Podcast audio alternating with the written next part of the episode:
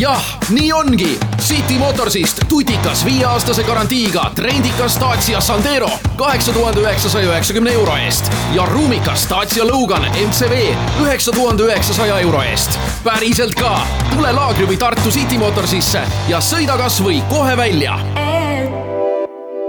kuku raadios välja öeldud seisukohad ei pea ühtima Kuku raadio seisukohtadega.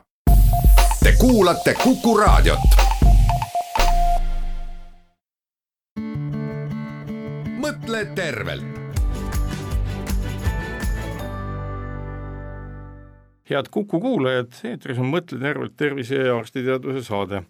nüüd on jälle meil pimedad ajad käes, küll kella keeratud ja natukene nii-öelda näiliselt valgemaks asjad läinud, aga üks asi, mis jälitab ja jääbki ilmselt jälitama inimesi, inimkonda, eestlasi nende hulgas, on küsimus unest ja, ja selle,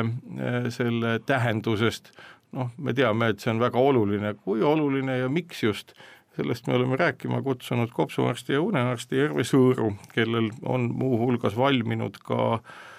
ja kaitstud doktori väitekiri teemal, mis puudutab otseselt äh, une mõju töövõimele ja väljapuhkamisele. tervist! tervist! Ma küsingi kohe, et äh, selle, selle pika ingliskeelse pealkirja eestikeelne kokkuvõte on milline su doktoritööst? Eestikeelne pealkiri on teadus- ja arendustöötajate une- ja töökorralduse ebakõlad ning uneuuringute personaliseerimine. ma saan aru, et äh, meil on siin palju räägitud teadusest ja teadlastest ja nende heaolust ja millest kõigest veel kas teadlaskond oli lihtsalt hea kättesaadav uurimismaterjal või on see selline äärmuseni viiv nii-öelda töö tegemise viis, milleks on teadus, kus noh, nii-öelda huvi kihutab inimest rohkem kui rohkem kui nii-öelda terve mõistus võiks öelda, et stopp, nüüd on aeg puhata. jaa, teadlased, arendustöötajad, me võtsime ikkagi kindla eesmärgiga ja, ja sihilikult Äh, sihilikult ette, äh, sellepärast et neil on äh, nii-öelda ühel päeval, ühel, ühel kindlal kellaajal, ajavahemikul päeval on siis aktiivsusperiood ja kus nad on siis loovamad ja teistel aegadel tõenäoliselt siis vähem loovamad. Ja, ja kui me vaatame varasemaid uuringuid, siis peamiselt on kontsentreeritud siis uneuuringutele ja, ja see, mis toimub inimestega päevasel ajal, seda käsitlevad siis erinevad teised uuringuid, aga neid kokku veetud on väga vähe või peaaegu et ei olegi kuidas on, kas siis inimese noh, kuidas ma nüüd ütlen, magamise tüübist või iseloomust või sellest, kas ta on välja maganud või mitte, kui palju ja millisel moel siis see päevane loov aktiivsusperiood sõltub ja muutub? Noh, kui me tugineme Rönnebergi ja, ja Fischeri uuringutel, siis, siis aastast tuhat üheksasada kaheksakümmend on juba selline arusaam, et et inimesed jaotuvad nii-öelda hommikuinimesteks, õhtuinimesteks, kuid enamus inimesi jaotub siis nii, nii-öelda, et, et nad ei kuulu ei kumbagisse tüüpi. enamus inimestest? enamus inimesi, jaa. ehk et see on selline on..., selline lugu, et nagu, mis need siis on, et ööbik või kuidas need, ma ei mäletagi, kuidas neid nimetati, aga hommikuinimesed ehk ööbikud, õhtuinimesed ehk öökullid. ja tegelikult neid on üldse väga vähe. noh, ütleme hommikuinimesi on ikka kõige vähem, aga, aga need inimesed, kelle loovtöö jääb ajavahemikku kella kümnest kella kaheteistkümneni, et neid on vähemalt kuuskümmend protsenti ja seda toetas ka minu uuring ja, ja siis õhtuinimesi on siis kusagil kakskümmend, kakskümmend viis protsenti ja, ja hommiku, hommikuinimesi siis kümme kümme, viisteist või viisteist, kakskümmend protsenti. kuidas siis öeldagi, et siinkohal võimalik välja öelda, et jaa, et ärge enam kunagi kasutage terminit, et inimesed jagunevad kaheks, hommiku ja õhtuinimesed ja mina olen rohkem hommiku ja mina rohkem õhtuinimene, et tegelikult seal vahepeal on noh, siis nii-öelda valdav osa inimkonnast äh, on siis äh, see segu. mis see siis tähendab, et äh, milline see nii-öelda enamuste inimeste unerütm ja loomingurütm siis on? no inimesel peaks jaotuma mm, ööpäevane rütm järgnevalt, et tema uneajale peaks kuluma seitse-kaheksa tundi, siis kaheksa tundi siis tööajale ja siis kaheksa tundi võiks olla see aeg, kus inimene saaks teha oma valikul mis tema siis ise soovib, on see siis, nimetame vaba aja tegevused. ja need ei kummassegi gruppi kuuluvad inimesed see, see kuuskümmend protsenti, nende loovaeg jääb noh, valdavalt selle tööaja sisse, mis on siis kella üheksast viieni, ennelõunasel ajal ja, ja, ja siis nad suudavad mõelda, kontsentreeruda, teha tähtsaid plaane, istuda maha, planeerida mingit tähtsat tegevust,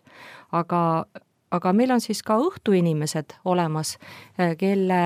ka meie uuringu põhjal siis, kelle loovaeg jääb väljapoole tööaega, ehk siis mitte kella üheksast viieni perioodi, vaid algab kusagil kella kuuest alates, kella seitsmest alates ja, ja, ja siis on ka hommikuinimesed, kes tõusevadki kell viis, kell kuus hommikul ülesse ja nendel on siis tööpäeva alguseks juba oma tähtsad mõtted ära mõeldud, kirja pandud ja nad lähevad siis tööle olema.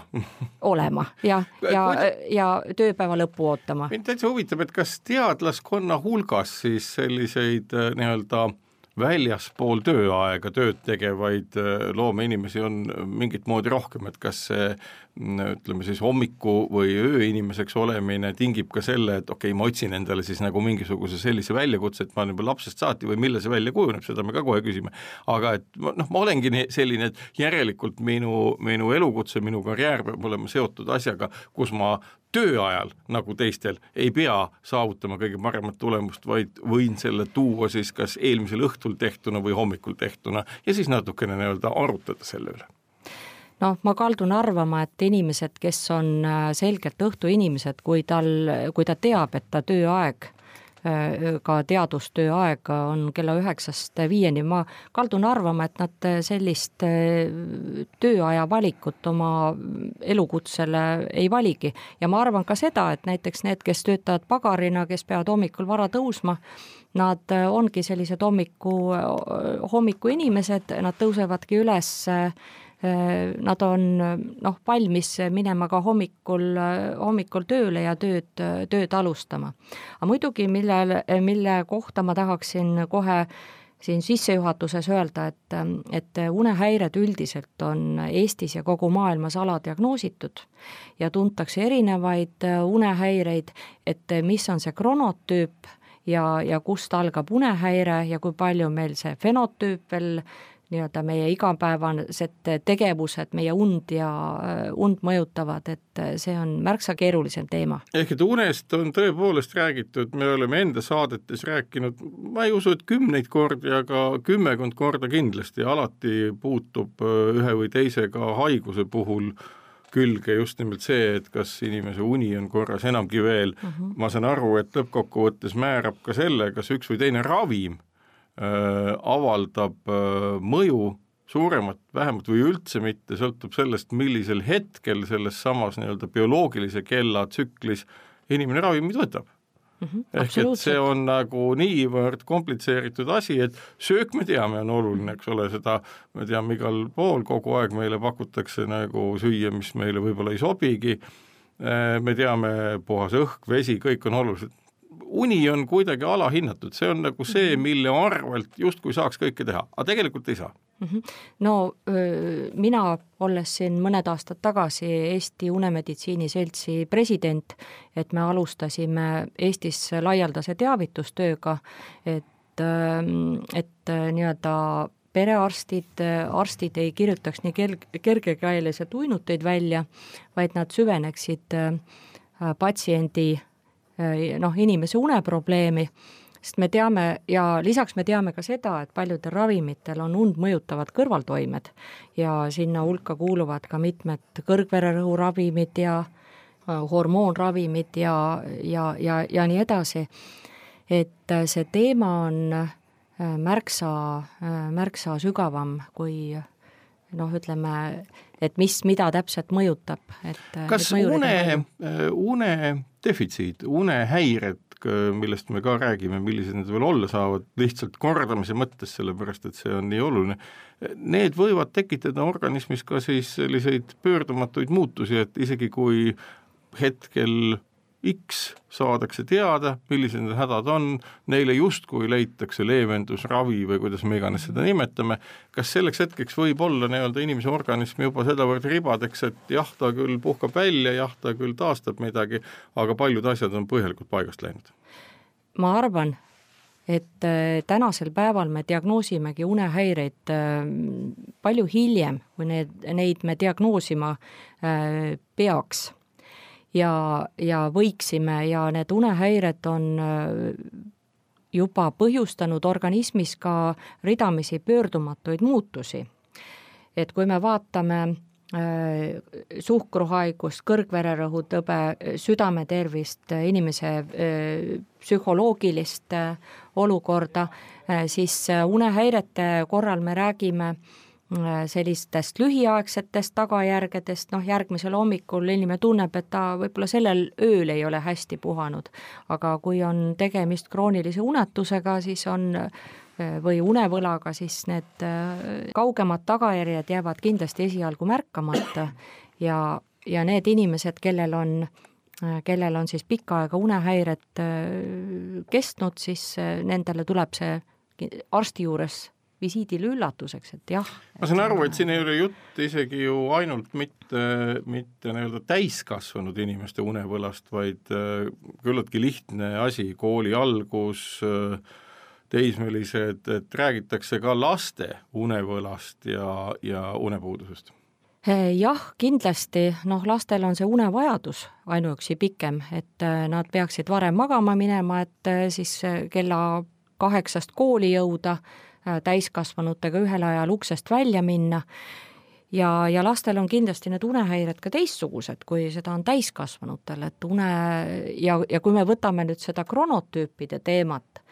äh, siis on uuritud ähm, siin erinevate teadlaste poolt, et lapsed kuni kooliaja alguseni on valdavalt hommikutüübid, siis ähm, noored kuni peaaegu neljakümnenda eluaastani on valdavalt nii-öelda õhtutüübid, neljakümnes eluaasta on need inimesed, kes ei kuulu ei hommiku ega õhtutüüpi, vaid on, ei kuulugi ühtegi üleminekuaeg no,. absoluutselt ja, ja siis üle neljakümne aastased jaotuvad siis äh, nii hommiku, õhtu kui ka, kui ka siis ei, ei kumbagisse liiki kuuluvasse kroonotüüpi ja, ja see on väga huvitav et mis selle taga on, et äh, kui palju nad ristuvad unehäiretega ja kui palju seal kronotüüp ikkagi midagi mõjutab, et, äh, et noh, minu uuring oli pilootuuring, äh, kindlasti pilootuuring ja et, et täpsemat aru saada, on vaja, vaja teha uuringuid noh, mitte ainult teadustöötajatega, vaid ka teiste elukutsete inimestega ja mitmes riigis, et luua arusaam, et, et kas minna geneetikat uurima kas olemegi selliselt loodud ja, ja millist rolli see geneetika üldse mängib? no ma saan aru, et geneetika uurimisega ju põhiliselt seesama äh, aja bioloogilise kella geen nagu ju ka leiti ehk et nii-öelda see, et meil selline nii-öelda uneaeg üldse on, et meie ainevahetus muutub, et meie mhm. käitumine mm -hmm. muutub, et see ongi täiesti geneetiline. ja oletus on nüüd nagu selles, et ma saan aru, et kõik seal muu võib olla ka geneetiliselt mõjutatud, mis selle nii-öelda eh, kellaaja geeni ümber toimub. jaa, see kaks tuhat seitseteist tõesti Nobeli preemia eh, Nobeli preemia välja anti, eh, Rosbach, Young ja Hall olid need, kes selle preemia siis said. ja, ja sellest, seda bioloogilise kella tähtsust äh, rõhutatakse järjest enam. et ähm, teatakse, et meil funktsioneerivad nii-öelda äh, tsirkadiaanrütm, mis käib oma võnkumisega ja siis äh, humoraalne ehk siis endogeensete ja eksogeensete teguritega seonduv humoraalne rütm ja, ja need omakorda annavad siis märku äh, Äh, hüpotaalamuses ajus on selline keskus olemas, et millal inimene peaks magama, millal on aeg magama minna, millal on aeg süüa ja millal on siis aeg üles tõusta. Ja, ja seda bioloogilist kella jah, soovitatakse mitte siis oluliselt muuta, sest see võib tuua siis kaugemaid tagajärgi just tervise, tervisele ja nii südamehaigustele ka, kui ka mm, psüühikahäiretele ja nii edasi. siinkohal teeme saatesse väikse pausi. mõtle tervelt head Kuku kuulajad, Mõtle tervelt, arstiteaduse ja tervisesaade jätkub, külas äh, kopsuarst ja unearst Erve Sõõru, mina saatejuht Marek Strandberg, räägime unest, räägime Erve Sõõru doktoritööst, mis oli pühendatud just nimelt teadlaste unele ja unehäiretele. nüüd üks asi veel, millele on õnneks tekkinud ühiskondlik kandepind, on asjaolu, et kõikvõimalikud ärritajad sel ajal, kui inimene peaks uinuma või juba magama, noh, ennekõike kõik need nutiseadmed, mis on voodis teki all ja voodi kõrval ja kus iganes ja särisevad niimoodi kaunilt sinises valguses äh, tekitavad tohutult unehäireid. kuidas teadlastega on, et neil on ju ka kõikvõimalikke aparaate, et ma saan aru, et allveelaevnikega on lugu lihtne, neil kõikvõimalikud displeid ja asjad on teada te,, teadupoolest tehtud punaseks, et noh, nii-öelda silm oleks paremini seletav aga milline on selline nii-öelda teadustöötajate välise ärrituse küsimus, et kas neil on ka nutiseade, laptop ja muud asjad kogu aeg silme all, eriti nendel öötöötajatel või mismoodi seal mm -hmm. siis kujuneb välja nii-öelda see unehäire, kui seda õnnestus mingilgi moel selle töö raames öö, tuvastada mm? -hmm tänasel päeval on absoluutselt kõik inimesed vähesel või enamal viisil siis nutiseadmete ja arvutitega Äh, seotud ja, ja kindlasti see nutiseadmetes olek äh, just enne magama minekut, see vähendab võimalust, et melatoniini tase saaks organismis tõusta ja, ja organismi unele, äh, unele siis viia. ja, ja kui vaadata ka nende teadustöötajate, need, kes meil liigitusid õhtuseks kroonotüübiks, Äh, siis nendel tõesti see uneaja algus nihkus ka äh, hilisemaks. Ja samas ma ei saa öelda, et nad va oleks vajanud pikemat uneaega, pigem oli see uneaeg äh, noh, varieeruv, kellel ta pikem, kellel lühem, et ikkagi keskeltläbi seitsme-kaheksa tunni vahele ta jäi. aga mis on teada, sinine valgus, mis läheb siis läbi silmavõrkesta Mm, siis ka sinna hüpotaalamuse piirkonda, et äh, ta ei lase melatoniini äh, produktsiooni, tootmist alustada ja ta ei lase organismil piisavalt välja puhata. ja teine asi on see, et, äh, et arvutites olek ta ikkagi tähelepanu juhib, juhib selliselt, et ta tekitab nagu sellist ärevust, mõtted on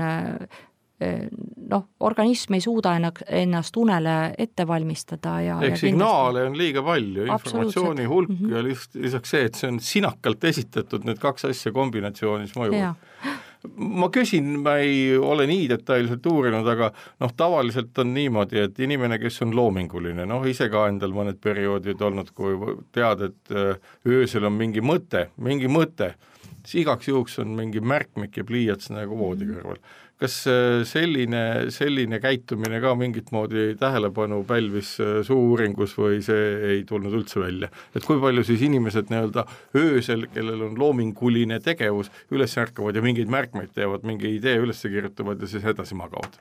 me ei uurinud seda täpsemalt, me uurisime seda und pigem kronotüübi seisukohast ja me uurisime une pikkuse seisukohast ja kui palju äh, mõjutab uni siis tööaega ja vastupidi. Aga otseselt, eh, otseselt keegi ei seda... kirjutanud ka, et mul on niisugune asi, et ma aeg-ajalt tõusen üles, et, et kui palju neid inimesi see, selleks jah, selleks oleks, oleks vaja teha, teha nii-öelda ikkagi uus uuring ja ja vaadata seda und veel, veel põhjalikumalt, sest meil noh, minu minu töös ka ainuüksi üheksakümmend küsimust küsida, küsida inimeselt kahe, kahes laines, et et seda on päris seda palju. päris palju, see on mm -hmm. juba enam-vähem nagu rahvalooendaja töö, et nende ma tahtsin seda veel küsida, et mainisid ka natukene, et äh, meil on ju teadupoolest see asi, et äh, rudimendina sellest ajast, kui kala, kala, vaalarasv oli kallis. Ja see oli ainukene valgustuseks kasutatav õli. Ja ajast, kui ka elekter oli kallis ja see oli väga nii-öelda kallilt toodetud,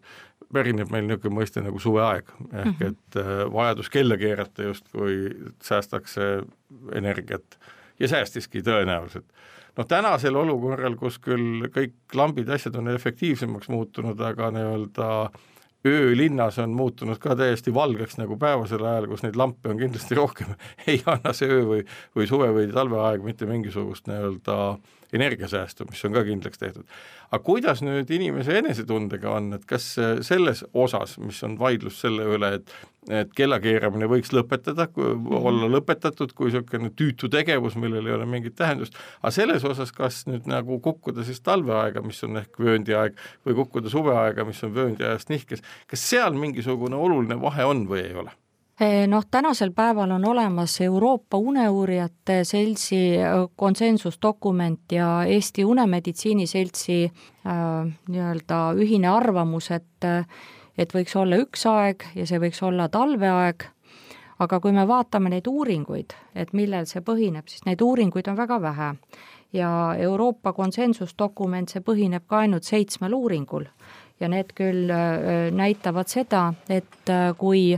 meil õhtul on ka suve ajal pimedam, siis see aitab unel kergemini tulla ja hommikul valge aeg aitab äh, nii-öelda paremini, paremini inimesel äh, inimest äratada.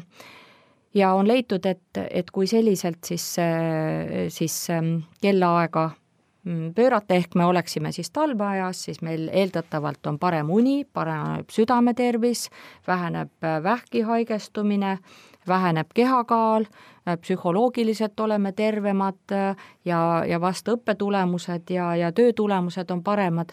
aga, aga need on nii värsked uuringud et äh, ei ole pikaajalisi uuringuid. no meil on ju tavaliselt alati, kui jutt selle peale läheb, on selline emotsionaalne asi, aga vot need valged ööd, need on nii lahedad, need on nii vahvad, et ilma mhm. selleta mm -hmm. nagu üldse ei kujuta elu ette. Äh, kas äh, selle kohta on ka mingit teadmist, et noh, nii-öelda noh, Island näiteks, kus ju pool aastat on kogu aeg lihtsalt valge või noh, kõik polaaralade tagused piirkonnad, et kas neil inimestel nii-öelda spetsiifilisi selliseid öö, suvise polaarpäevaga seotud pidevas valgustatuses elamisega ka mingisuguseid häireid on tuvastatud rohkem või vähem või ei ole selle kohta midagi teada?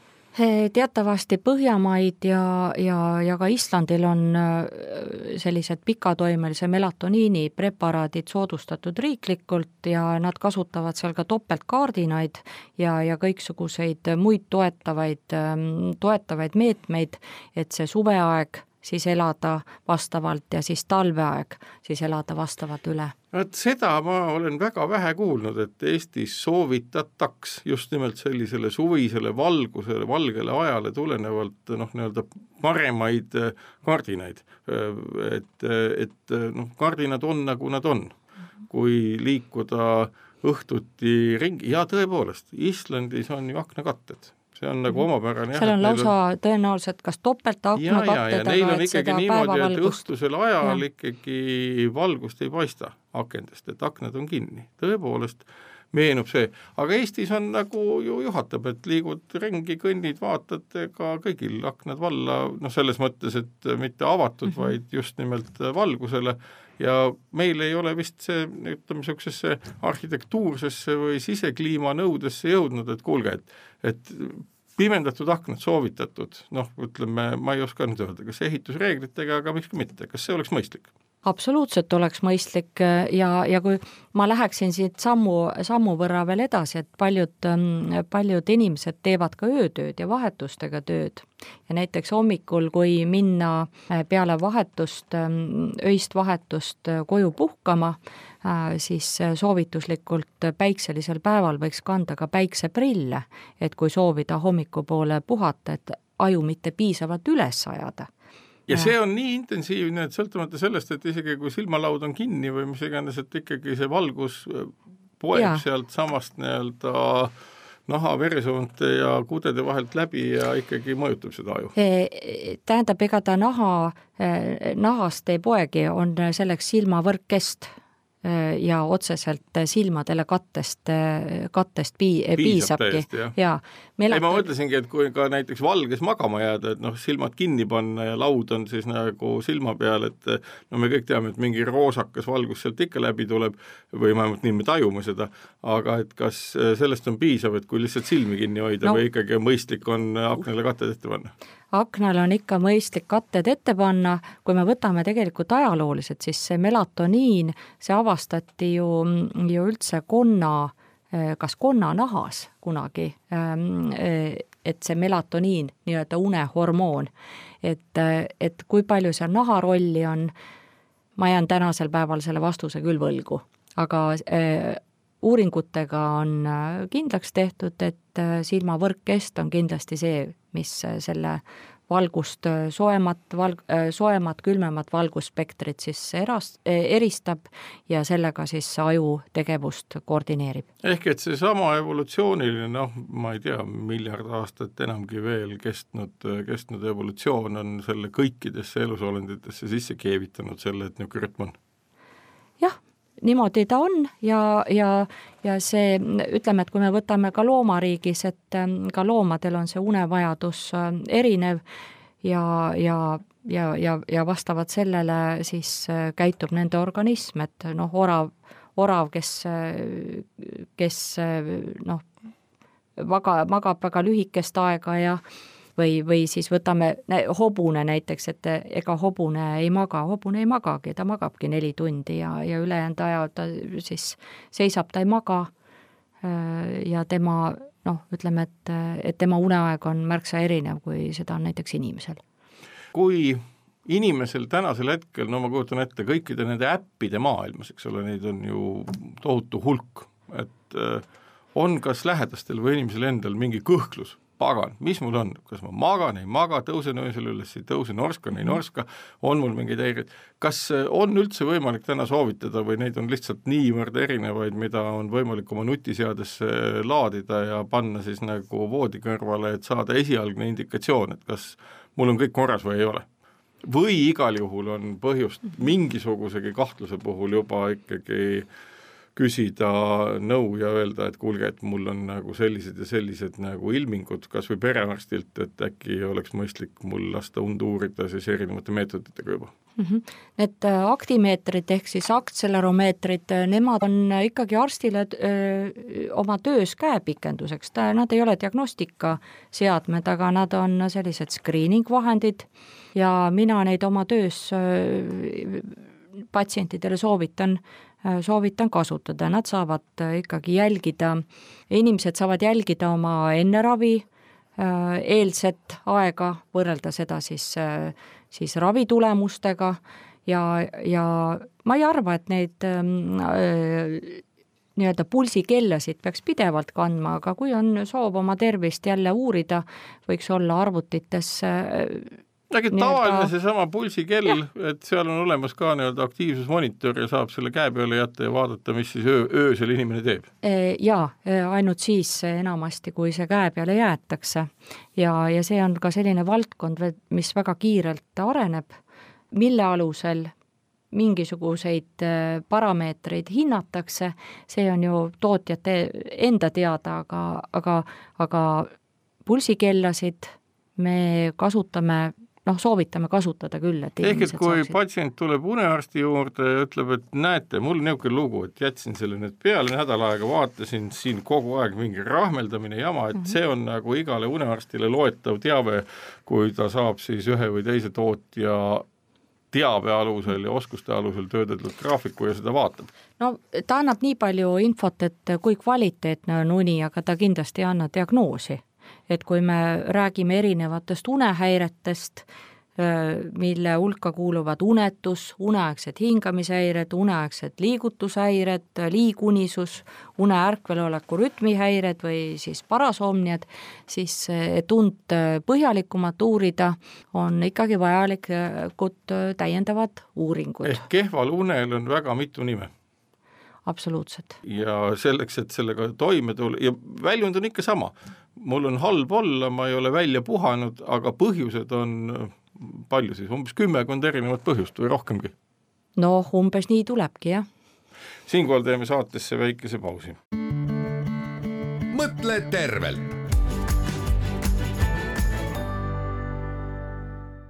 head Kuku kuulajad, Mõtle tervelt saade eetris, räägime kopsuarsti ja unearsti Erve Sõõruga unest ja seda kontekstis, et tal on valmis saanud ja ära kaitstud doktoritöö, mis puudutas teadustöötajate une omapärasid. mina olen saatejuht Marek Strandberg. ma saan aru, et seesama töö, puhkuse, une, kogu see kombinatsioon, mida kontsentreeritumaks muutub selline intellektuaalse töö vajadus ühiskonnas ja see on juba läinud väga suureks. seda rohkem hakkavad sellised nüansid mängima ka tööviljakuse pealt, et noh, me mm -hmm. oleme täna näinud seda, kuidas noored, äh, veel mitte ennast äh, väsinuks äh, töötanud inimesed on üliandekad kõikvõimalike alustavate iduettevõtete, infotehnoloogiliste ja nutikate ettevõtete loomisel Eesti on täiesti pretsedenditult heas olukorras, kui vaadata, kui palju siis äh, sellist kapitali on kaasatud selliste ettevõtete käiku lükkamise peale. kas võib öelda, et äh, unel ja väljapuhkamisel on sellise intellektuaalse potentsiaali koha pealt nüüd su enda uuringule toetudes oluline roll? Kindlasti on oluline roll ja, ja kui ma vaatan nüüd oma uuringut äh, tagasi, siis ma arvan, et, et äh, nii-öelda edukamad on, on need ettevõtted, kes arvestavad inimese nii-öelda töö ja uneaja vajadusi. ja nad suudavad neid inimesi edukamalt, produktiivsemalt ja konkurentsivõimelisemalt rakendada ja, ja, ja nende mm, firmade töö tulemused tõenäoliselt võivad olla ka paremad, kuid noh, ütleme töö tulemusi mina ju oma uuringus ei hinnanud, aga aga mm, ma arvan tõesti, et, et need, kes, need ettevõtted, kes on valmis arvestama inimese une ja tööaja vajadusega, et need on edukamad. No me teame kõikvõimalikke psühholoogilisi nõustamisi, mida ettevõtetes tehakse, inspiratsioonikõnelejad ja diagnoosijad ja terve rida kõikvõimalikke ja vaieldamatult töö tulemusele orienteeritud tegevusi on olemas, mida ka ettevõtted ostavad, kui sageli ostetakse noh, näiteks mingisuguses suures kooskõlaliselt töötada soovivas asutuses siis endale nii-öelda kompleksne uneuuring pangas või mingisuguses muus noh, nii-öelda mhm. ikkagi, ikkagi äh, ägedas sellises äh, kohevas organisatsioonis, kus noh, inimestel mhm. teatud teatud rütm peaks olema ja kus võiks tegelikult ju lihtsate töökorraldust diferentseerivate vahenditega nii-öelda tagada ka see, et jah, ma võtan välja puhkanud inim-, et kõigepealt ma lasen inimestel välja puhata ja siis tänu sellele, et ma tean, millal on tema aktiivne aeg, kasutan seda tema pakutavat kõige paremini. Ma ütleks niimoodi, et, et kui ma uurisin erinevaid küsimustikke, mida kasutati kronotüüpide määramisel, noh, on ajalooliselt kasutatud, siis eh, mõned küsimustikud on nendest pikemad ja põhjalikumad ja mõned on, mõned on sellised üldsõnalisemad. Eh, ja, ja kindlasti oskab iga inimene siiski noh, öelda, et kus, millisel ajal ööpäevast või noh, päevaajast ta eelistaks teha loovat tööd, on valmis ettekannet tegema, tema Äh, aktiivsusperiood on, äh, on kõrgem, aga neid samu küsimustikke on soovitatud ka mitte kasutada inimeste, äh, inimeste nii-öelda jaotamiseks, et kas nad on siis valdavalt hommiku, õhtu või ei kuulu kummassegi neist tüüpidesse, et sinna kõrvale tuleb vaadata ka võimalikke unehäireid, mis mõjutavad samuti und ja ehk ei ole nii-öelda selle halva une kvaliteedi taga mõni, eh, mõni nii-öelda, mm, mõni unehäire. aga eh, Eesti Haigekassa toel sai nüüd sellel aastal valmis täiskasvanute unehäirete esmase diagnostika juhend ja seal on ka patsientide versioon ehk kõikidele inimestele jälgitav, kasutatav A4 leheküljel täidetav ja nii-öelda une, oma uneprobleemide üle mõtiskletav variant olemas, et kus selle kätte saab, Haigekassa kodulehelt või mingist muust? haigekassa koduleheküljelt saab selle kindlasti kätte, ravijuhendid, kus on patsiendile ja, ja välja trükkida selle nii-öelda selle patsiendi juhendi seal. Ja see on tõesti A4, unepäeviku leiab sealt, seal on kaks nädalat täitmist ja, ja, ja siis ka sellise ülevaate sagedamini esinevatest unehäiretest. seal saab siis anda, ma saan aru, punkte ja vaadata siis, milline see punktisumma on ja kas see on siis täpselt Punk sama? punkte päris anda ei saa, aga, aga? me saaks, saab kindlasti üles kirjutada oma noh, ütleme, et unepäevikut täita, kaks nädalat äh, füüsilist aktiivsust, nutiseadmete kasutamist, kohvi energiajookide tarbimist, alkoholi äh, tarbimist ravimite kohta, päevase väsimuse tunnetuse kohta ja nii edasi. Ja võtta seesama lehekene arstile minnes, perearstile minnes kaasa ja siis arutada see arstiga, see lehekene läbi, et kas minul on siis unehäiret või mul ei ole ja, ja sealt edasi siis kronotüüpide teema tuleks ka kindlasti kõne alla. ma saan aru, et täna ju kehtib juba reegel selle kohta, et ettevõtja võib ilma lisamakse maksmata ühe töötaja kohta kulutada vist, oli see nelisada eurot aastas või mitte, kas, kas see summa on näiteks kriitilisel juhul piisav, et kinni maksta mingisugune uneuuringute kompleks? Ma saan aru, et uneuuringud ise täna mm -hmm. ei ole nii-öelda Haigekassa poolt vist finantseeritavad või? Äh, absoluutselt, äh, või tähendab, enamusel juhtudel ikkagi Eesti Haigekassa uneuuringuid kompenseerib ja väga Aha. erinevaid uneuuringuid ja alates juba kahe tuhande kaheteistkümnendast aastast ja inimesed, kes on valmis alati polüsomnograafilist uuringut ehk mitmekanalilist väga põhjalikku uuringut läbi tegema, siis tänasel päeval on olukord järgmine, et näiteks uneaegse hingamisehäire uuringuks piisab sageli hoopis väiksema kanalite arvuga uuringust, mis on piisavalt informatiivne ja mille kohta saame siis teha ülevaate, et vot, et see patsient vajab seda ravi või sellel patsiendil suuremat probleemi ei ole või et tuleks tegeleda selle probleemiga või teise probleemiga. ja need on siis nagu Haigekassa poolt kinni makstud, mitte ahaa, no vot, see on ka üks müüt, mis inimestel Aga... on tavaliselt, et mhm. oi-oi, et see on ju, see on ju noh, tavaliselt ongi see seotud juhilubadega inimesed teavad ju ise, et äh, neil on näiteks nii-öelda suur kaela ümbermõõt ja norskavad ja muu ja siis on nagu see hirm kogu selle, kogu selle valdkonna ees nii suur, kuna inimesed soovivad endale säilitada no, pigem, või omada juhtimise pigem on küsimus vast mm, selles, et et Haigekassa kompenseerib valdavalt äh, siis ähm, uneaegsete hingamishäirete diagnostikaga seonduvat, aga mis puudutab äh, liigutushäireid või siis äh, või siis ähm, unetuse muud konteksti, siis vast seal mõned uuringud on hetkel tõesti mitte nii hästi kättesaadavad, kui, kui seda peaks olema. ja noh, erasüsteem on siin arenenud, mina Confido meditsiinikeskuses äh, töötades näen, et, et inimest on võimalik äh, väga lihtsalt, äh, lihtsalt aidata ja, ja samas need järjekorrad erasüsteemis ju ei olegi nii pikad kuidas meil on, et äh, siin on, äh, kui õnnestub üles loetleda siis need võtted, mida siis tänasel hetkel ühe, teise või kolmanda unehäda puhul teha saab, et äh, hästi palju on räägitud sellest nii-öelda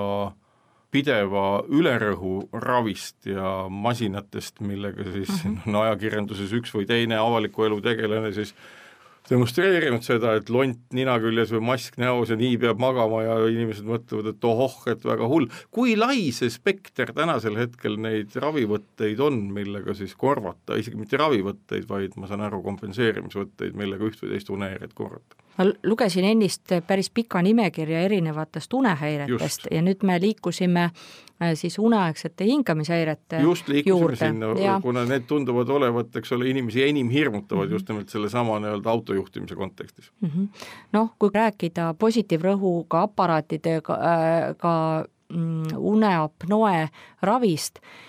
siis need on ikkagi näidustatud neile, kellel esineb vähemalt viisteist hingamishäiret ühe unetunni kohta ja see on väga suur number. ja see on kindlasti selline number, mis uuringute põhjal põhjustab südameprobleeme, põhjustab suhkurdiabeeti, olulist olulist äh, päevast liigunisust, samas ma ütleks, et see äh, päevane väsimus ja unehäire teinekord ei olegi nii hästi korrelatsioonis, et, äh, et inimestel võib olla ka raske haigus ja, ja rasked südameprobleemid, kuid, ähm, kuid ta ei tunneta sellist päevast liigunisust. Ja, ja kui va-, võtta selle, seda mootorsõiduki juhi tervisetõendi väljastamise korra muutust, mis alates kaks tuhat viisteist hakkas kehtima, siis ähm, jah, see direktiiv on äh, omamoodi julm ja palju on seal äh, ka läbimõtlematust aga eks see aeg annab, annab aru, arutelu, et kuidas, kuidas õigesti oleks, aga aga samas ma ütleks ka niimoodi, et neid unehäireid on tõesti vähe, noh, nad on aladiagnoositud ja neid esineb märksa rohkem, kui me tänasel päeval oskamegi arvata. ehk et küsimus on, kui me ei räägi ainult sellest apnoest, vaid paljudest muudestki asjadest, et see on nagu diagnoosimisoskuse ja, ja andmete puuduse küsimus, ehk et meil võivad olla, kas on mõni ühiskond, kus nii-öelda võib öelda, et kõik unehäired või enamus neist on diagnoositud? kas võib oletada, et näiteks Ameerika Ühendriikides on see nii, et kus inimesed nii-öelda siiski satuvad nii-öelda tasulise meditsiini küüsi kohe ja neile müüakse marketingi parimate võtetega maha absoluutselt kõik analüüsid, mida vähegi võimalik ma arvan, et tänapäevane ühiskond äh, soosib järjest enam erinevate unehäirete tekkimist ja kui meil kehakaal on ka jätkuvas tõusus, siis, ähm, siis neid unehäireid on rohkem äh, rohkem kindlasti, aga mina küll ei julge öelda, et üheski riigis oleks kõik unehäiretega inimeste, inimesed, äh, noh, need haigused oleks diagnoositud ja ka ravitud. aga mis puudutab uneaegseid hingamishäireid, siis äh, arvatakse, et see on nii-öelda maailmas lausa epideemia, kui isegi kakskümmend protsenti elanikkonnast kannatab mingil määral Äh, uneaegse hingamisehäire all, see ei tähenda kõi-, et kõigile tuleb äh, tõesti selle positiivrõhuga aparaadiga ravi soovitada, absoluutselt mitte. ja neid aparaate on ka täiesti erinevaid ja kui üks ei sobi, äh, on siis seal erinevad ka teised meetodid, ka suhu pandavad ähm, intraoraalsed ehk suusisesed kaped ja kirurgia on teatud, teatud häired, mida annab ka ravimitega ravida. Ja mida kindlasti võiks soovitada, et inimesed võiksid oma kehakaalu normis hoida ja hoolida ka oma vabast ajast, see vaba aeg on see, mis äh, soosib peresuhteid, soosib äh, enda nii-öelda paremat tervist. Aga see on natukene seotud, eks ole, et kui on olemas ka see unehäire, siis ega siis on jälle raske oma kehakaalu korras hoida, et need on nagu, me ei, me ei saagi tervise puhul ju öelda, mis on põhjus, mis tagajärg, et seal nagu tuleb lihtsalt ühest kohast lahendama hakata, et ja siis on see käes. jah, inimene on sellises rattas ja, ja tuleb aidata tal sellest äh, nii-öelda lumepallist või rattast äh, rattast maha astuda, äh, sest vastasel korral see probleemid võimenduvad ja suurenevad, aga ei lahene aitäh, Merve Sõõru, kopsuarst ja unearst tulemast Mõtle tervelt saatesse kõnelema unest, oma äsja kaitstud doktoritööst. sellega on saade läbi, mõelge siis tervelt, olge terved, jälle veel kord meenutan, et kellel tegemata võib selle aasta gripi vastu teha vaktsineerimise, sest ega selle gripi põdemine ei ole kõige meeldivam asi. ja kuulame jälle nädala pärast, head päeva! mõtle tervelt